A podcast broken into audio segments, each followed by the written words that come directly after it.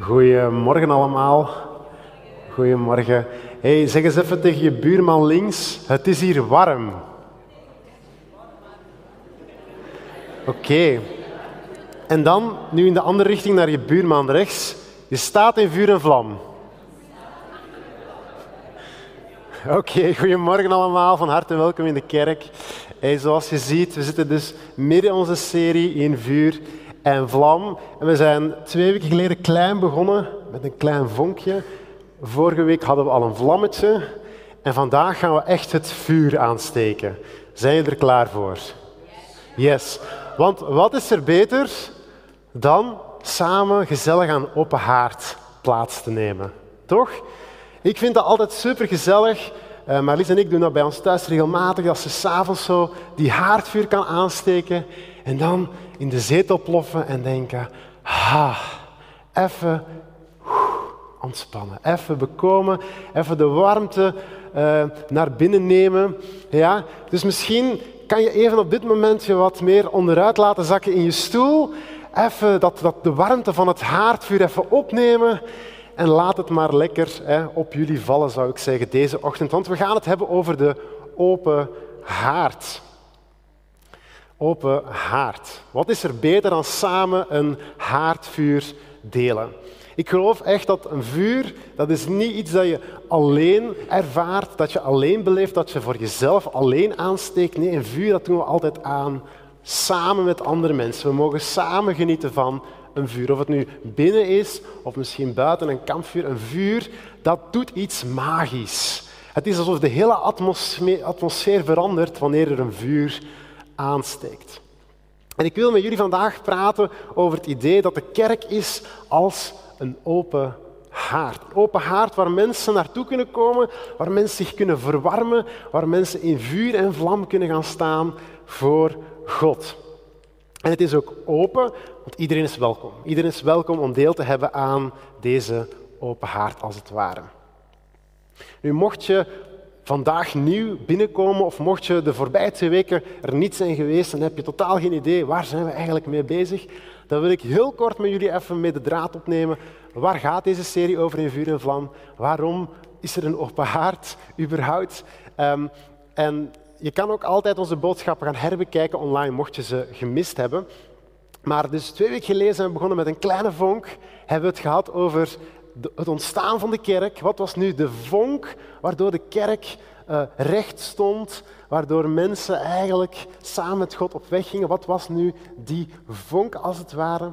En dan afgelopen week had Janneke het met ons, afgelopen zondag, over de vlam. Over wie is nu de Heilige Geest? Wie is de Heilige Geest en wat doet de Heilige Geest nu eigenlijk in ons? Hoe werkt Hij in ons als het ware? En vandaag gaan we nog een stapje verder, gaan we nog meer vuur toevoegen als het ware. Gaat het vuur echt beginnen branden. En ik wil met jullie nadenken over een paar vragen. Eerst en vooral wil ik met jullie gaan nadenken over de vraag van waarvoor heeft God eigenlijk zijn kerk geroepen? Wat is nu eigenlijk het doel van God zijn kerk? Waarom is die kerk er eigenlijk ook nog in ons midden vandaag? En misschien nog belangrijker, hoe houden we de kerk in vuur en vlam? Hoe zorgen we ervoor dat het vuur dat wordt aangestoken, dat dat aanblijft en dat het niet met de tijd misschien begint af te gaan tot een klein vlammetje of een klein uh, vonkje meer? En hiervoor gaan we even samen teruggaan naar een tekst die ik ook twee weken geleden met jullie heb gedeeld. Tekst van Lucas in het boek Handelingen, waar hij eigenlijk spreekt over die eerste kerk. Over het startpunt van de kerk, hoe dat die kerk toen was. En in Handelingen 2 zegt Lucas het volgende. Elke dag kwamen ze, de eerste kerktrouw en eensgezind samen in de tempel. Zij braken het brood bij elkaar thuis en gebruikten hun maaltijden in een geest van eenvoud en vol vreugde. Klinkt mooi. Elke dag kerk. Wie zou ervoor willen tekenen? Oké, toch een paar mensen die enthousiast zijn. Nu, voor mensen die het niet weten, we hebben het net ook in het filmpje gezien. Er, er zijn connectgroepen in ons midden die ook door in de week samenkomen. Dus niet alleen op zondag, maar ik denk dat de meeste groepen om de twee weken ongeveer samenkomen. kan je het voorstellen? Elke dag connect. Ja, ik denk dat heel veel mensen al direct praktisch beginnen denken, ja, maar dat gaat toch niet? Ik, ik heb zoveel dingen te doen, ik heb misschien maar één avond vrij om de twee weken. Hoe kan ik elke avond of elke dag een moment vinden om samen te komen met anderen? Maar de eerste kerk deed dat wel. Ze kwamen elke dag samen. En ik weet, wij leven in heel drukke tijden. We hebben veel te overdrukke agendas als het ware. Maar Lucas geeft ons iets mee waar ik van geloof dat het de reden is waarom ze elke dag samenkomen. Niet omdat het moet, maar omdat, zoals je kan zien, omdat ze eensgezind waren. Er was iets in hun midden dat hen samenriep, dat hen samenbracht, waardoor ze zeiden van elke dag connect, elke dag opnieuw kerk zijn. Hoe geweldig is dat? Misschien niet zo heel praktisch in ons druk leven, maar het is iets heel speciaals wat zij hadden. Zij waren eensgezind. En het woordje eensgezind, dat gebruikt Lucas niet één keer in het boek Handelingen, maar hij gebruikt het woordje twaalf keer. Twaalf keer gaat hij spreken over eensgezind zijn. Dus je kan al daarvan afleiden, dit is niet zomaar iets tussendoor, dit is iets heel belangrijk. Nu, eensgezind, wat is dat nu eigenlijk? Ik heb het even gaan opzoeken voor jullie. Het komt van het woordje homotimadon in het Grieks. En het betekent eigenlijk met één gedacht, met één verlangen. En eigenlijk is het een samenvoeging van twee woorden. Eigenlijk betekent het gezamenlijk en haasten.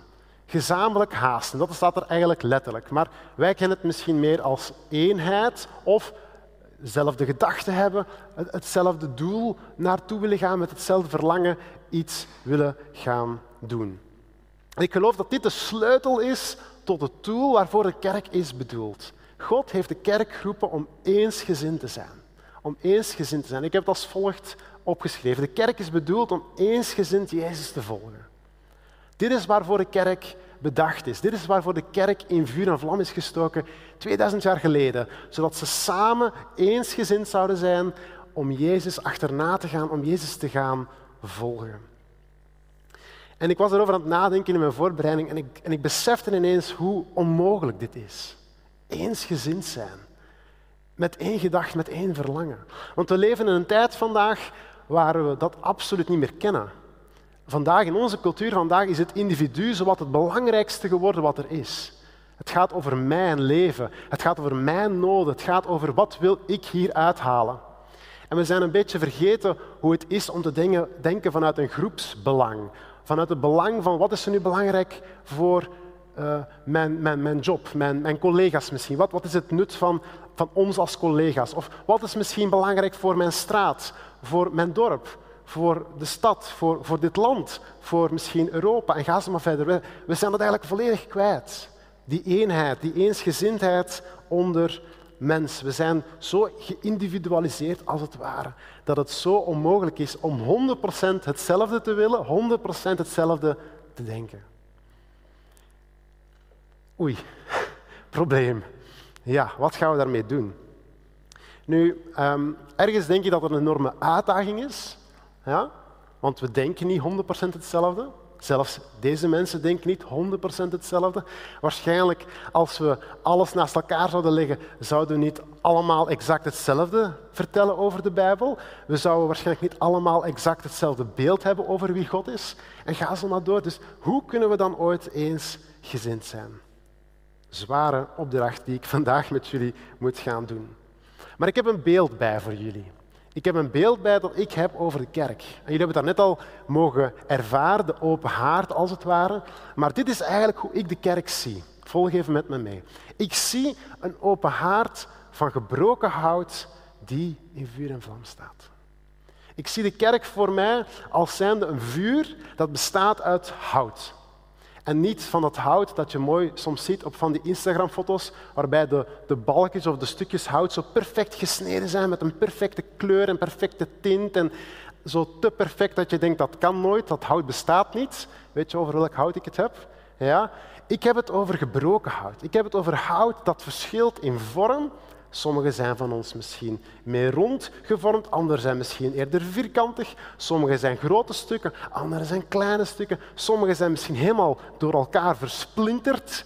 Andere zijn misschien een klein beetje aan het rotten geweest, wie weet. Maar het gaat niet om het hout. Het is niet de toestand van het hout die belangrijk is. Het gaat om wat het vuur van God doet met dat hout. Als al dat hout samenkomt dat gebroken is en Gods geest het in vuur en vlam steekt, dan houdt Gods geest geen rekening met het type hout, met de vorm van het hout, met de toestand van het hout. Nee, Gods geest steekt het hout in vuur en vlam. En zo geloof ik dat de kerk een haard mag zijn, een plaats mag zijn waar gebroken mensen samenkomen, zij eensgezind Jezus willen gaan volgen en zij in vuur en vlam worden gezet door Gods geest. Wie heeft er dit geloof ook deze ochtend? Dat de kerk niet perfect moet zijn, maar dat door Gods geest wel gaat beginnen branden. Gods geest zet ons in vuur en vlam. Het maakt niet uit hoe we zijn, het maakt niet uit hoe je bent gekomen vandaag. God wil jou in vuur en vlam zetten. De eerste kerk was trouwens ook niet altijd eensgezind. Paulus die spreekt erover in de Corinthiërsbrief. Hij heeft het over de kerk van Korinthe. En hij zegt het volgende tegen die kerk van Korinthe. Hij zegt, broeders en zusters, in de naam van onze Heer Jezus Christus roep ik u op om allen eensgezind te zijn. Opnieuw krijgen we hetzelfde woordje, homotimadon. Eensgezind zijn. Mijn zoon is niet zo blij blijkbaar. Om scheuringen te vermijden en in uw denken en in uw vertuiging volkomen één te zijn. Want, zegt Paulus, door Chloe's huisgenoten is mij namelijk verteld, broeders en zusters, dat er verdeeldheid onder u heerst. Ga, ook 2000 jaar geleden was het, het idee van eensgezind te leven als gelovige een enorme uitdaging. Ook daar waren mensen daar niet zo succesvol in als ze misschien zouden verwachten. De situatie in Korinthe was best een moeilijke situatie. Daar waren eigenlijk heel wat mensen samen die compleet anders waren, die compleet anders dachten, die eigenlijk vooral ruzie maakten met elkaar over hoe de kerk nu moest zijn en wie nu de belangrijkste persoon moest zijn in de kerk.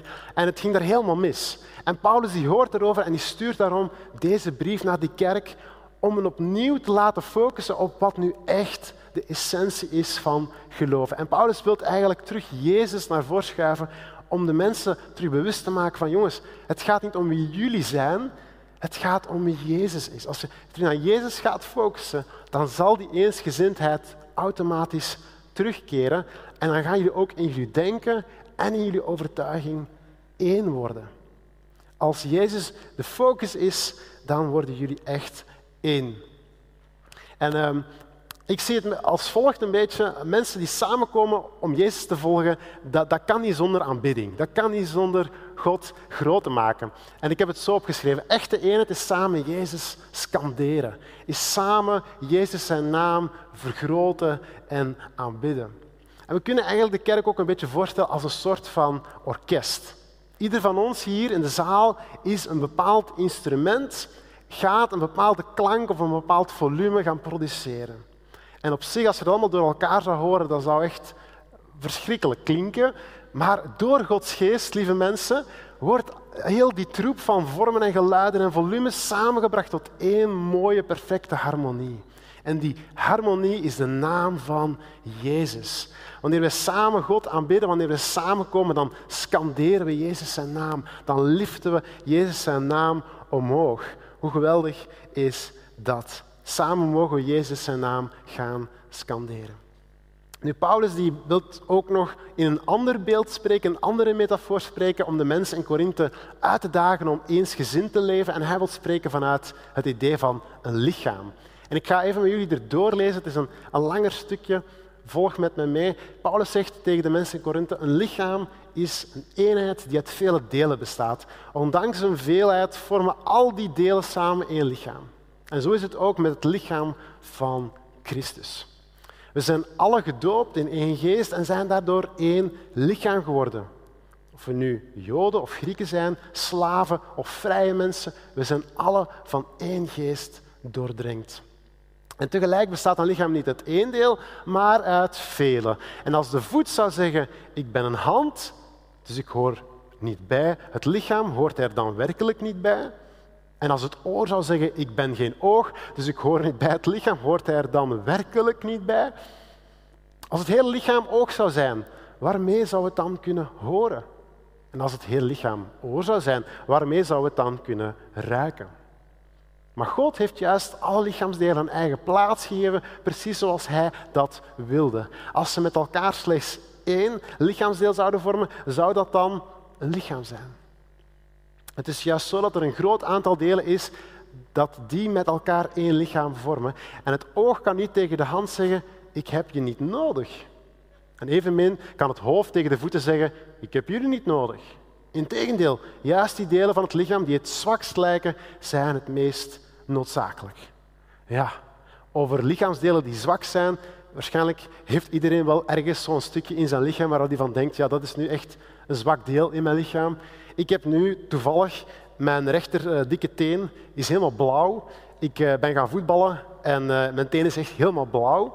En ik zou het u willen laten zien, maar ik weet dat mijn vrouw daar heel schaamtevol in zou zijn als ik dat aan jullie laat zien. En aangezien dat wij samen ook een lichaam vormen, ga ik dat niet doen. Ja? Maar Paulus zegt het volgende wel over zwakke delen in het lichaam. Hij zegt, de delen van ons lichaam waarover we ons schamen en die we liever bedekken, behandelen we zorgvuldiger en met meer respect dan die waarover we ons niet schamen. Die hebben dat niet nodig. God heeft ons lichaam zo samengesteld dat de delen die het nodig hebben ook zorgvuldiger behandeld worden. Zodat het lichaam niet zijn samenhang verliest, maar alle delen elkaar met dezelfde zorg omringen. Wanneer één lichaamsdeel pijn lijdt, dan lijden alle anderen mee. En wanneer één lichaamsdeel met respect behandeld wordt, dan delen alle anderen in die vreugde. Wel nu, u bent het lichaam van Christus en ieder van u maakt daar deel van uit. Moet even bekomen. Het was een lang stuk. Goed, een hele passage over het lichaam. Maar essentie staat hier op het einde. U bent het lichaam van Christus en ieder van u maakt daar deel van uit. Ieder van ons is een onderdeel van dat lichaam.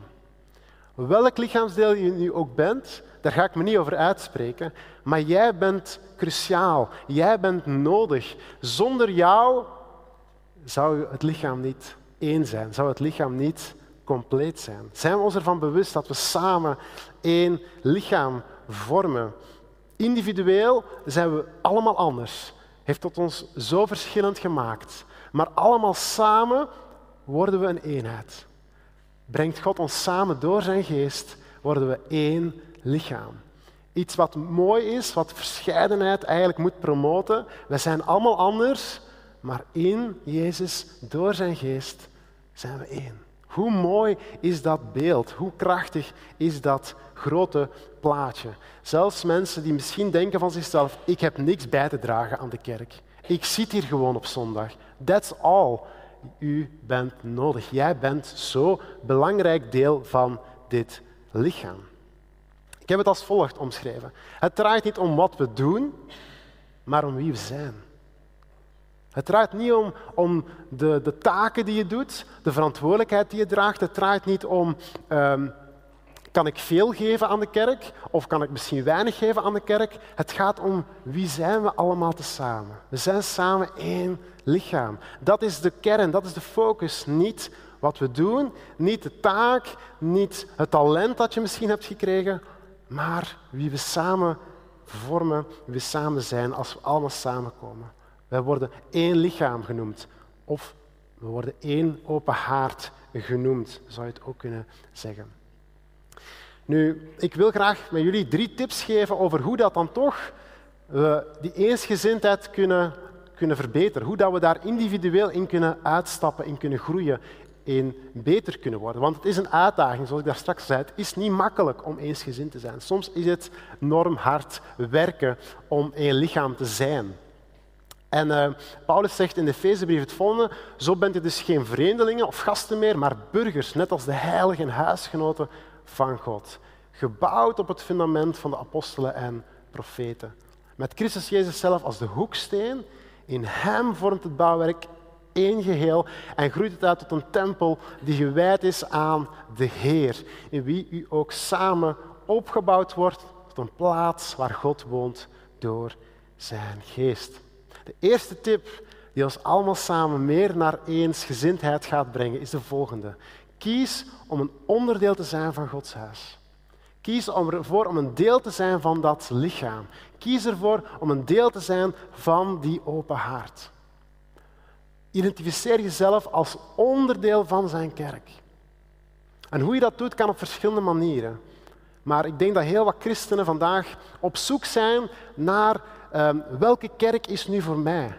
Welke kerk past het best bij mijn checklist van 100 punten? En ik moet minstens 99 punten overeenkomen voor ik ga zeggen, ah wel, nu ga ik bij deze kerk mij aansluiten. Ik geloof niet dat dit de reden is waarom God de kerk heeft bedoeld. Om een soort van checklist af te gaan en te zien van op welke mate komen mijn punten overeen met deze type kerk. Kies een kerk waar je van zegt van hier kan ik samen met de andere gelovigen in vuur en vlam komen te staan. Hier kan ik samen als het ware een stukje zijn, een, een, een baksteen zijn, een stukje zijn van het grotere huis. Een onderdeel zijn van het grotere lichaam. En dat kan in deze kerk zijn. Je bent heel welkom om deel te worden van deze kerk, maar dat kan ook gerust een andere kerk zijn. Er zijn zoveel geweldige goede kerken hier in Leuven en buiten Leuven. Maar kies ervoor om je ergens een deel te maken van dat grote lichaam. Ergens te zeggen van, en ik ga hier een onderdeel van uitmaken. Een andere manier hoe je dat ook kan doen, je ook een onderdeel kan zijn, is misschien door je aan te sluiten bij een van onze connectgroepen.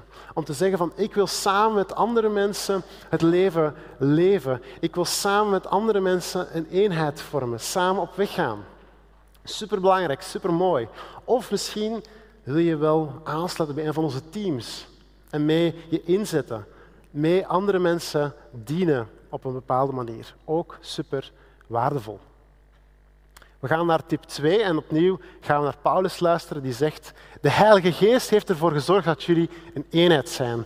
Doe je uiterste best om die eenheid te bewaren, door een vrede met elkaar te leven. Leef met elkaar alsof jullie één lichaam zijn, met één geest. Want jullie zijn allemaal door God uitgekozen om gered te worden. Daar vertrouwen jullie op. Jullie hebben dezelfde Heer, hetzelfde geloof en dezelfde doop, zegt Paulus. Mijn tweede tip om eensgezind samen te kunnen leven als gelovigen is: zoek naar wat ons verbindt in plaats van wat ons scheidt. Het is zo makkelijk om te kijken en de verschillen te zien. Ah, jij denkt zo. Ja, maar ik denk anders. Oeh, lees jij je Bijbel zo? Dat is niet hoe God het bedoeld heeft. Of kom jij zo naar de kerk? Heb jij, heb zo weinig geloof? Nee. Zoek naar gemeenschappelijke grond. Zoek naar datgene waar je van voelt, hey, wij zijn één lichaam. Wij zijn misschien anders, wij zijn misschien anders gevormd met een ander doel, maar samen zijn wij één. We hebben dezelfde God, we hebben dezelfde doop, we hebben hetzelfde geloof. Hoe belangrijk is dat? Zoek naar wat je samenbrengt, niet wat je verdeelt. Echte eenheid komt niet vanzelf. Het kost ons moeite. Soms heb je discussies met mensen. Dat gebeurt.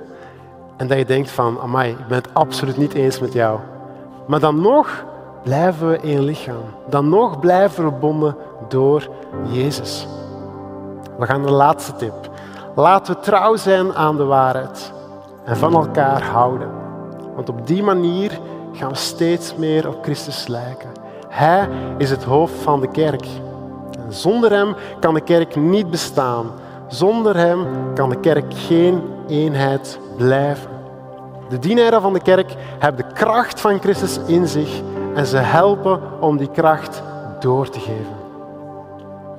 Iedereen in de kerk krijgt zo een deel van die kracht, want de kerk kan alleen groeien als iedereen in liefde samenwerkt. Lieve mensen, we zijn bedoeld om eensgezind te leven. We zijn bedoeld om samen één lichaam te vormen. Maar dat werkt niet zolang we niet alles gaan doen vanuit de liefde. Zolang we niet samen in de kracht gaan staan die ons hier vandaag heeft geplaatst. En die kracht is Jezus en liefde voor ieder van ons individueel, maar ook in de eerste plaats voor Jezus en liefde voor zijn kerk. Want het is ons antwoord als gelovigen wanneer wij gaan zeggen, we hebben elkaar lief, is het onze reactie op God die ons als eerst lief had. En ik moet denken, er zijn zoveel mensen hier in onze kerk die leven vanuit dit principe. Als ik denk aan de mensen van productie, die elke zondag opnieuw voor acht uur hier al aan het werken zijn om heel alles op te bouwen, alles in orde te hebben, zodat wij een aangename dienst kunnen hebben, dan denk ik, wauw, wat een liefdesdaad. Ja, geef ze een applaus. Als ik denk aan onze geweldige mensen van het Kids Team, die elke week opnieuw de kinderen bij Jezus brengen. En die zeggen van, ken je Jezus al? Dan denk ik van, wauw, wat een liefdesdaad. Geef die mensen alsjeblieft een applaus. Wat een geweldig Kids Team hebben wij. De mensen van ons welkomteam die toiletten voor ons kuisen. Wat een liefdesdaad. Kom maar, geef die mensen een applaus. De mensen die achter mij staan, ons worshipteam, die ons elke week opnieuw afzetten bij God. Wat een liefdesdaad. Geweldig. Doe alles vanuit liefde. Jezus zijn liefde voor zijn kerk, die doet de open haard branden. Het is niet wij die zorgen voor het vuur, het is Hij. Zijn liefde zet alles in vuur en vlam. En ik wil met jullie samen op dit moment gaan bidden. En ik wil je uitdagen door recht te gaan staan op dit moment. Ga gewoon recht staan. We gaan samen bidden. In de eerste plaats voor eensgezindheid. Dat we meer en meer mogen gaan staan vanuit het besef dat we één lichaam zijn. Het draait niet om ons alleen. Het draait om ons allemaal. En waar moeten we het gaan zoeken? We mogen het gaan zoeken bij Jezus, bij Zijn liefde. Bid met me mee voor meer insgezindheid en dat Hij zijn open haard in vuur en vlam mag gaan zetten. Heer God, we zijn zo dankbaar dat U ons hebt gebracht tot één lichaam, tot één open haard. Heer, we zijn zo verschillend. U hebt ons zo verschillend gemaakt met verschillende vormen, met verschillende doelen, met verschillende talenten.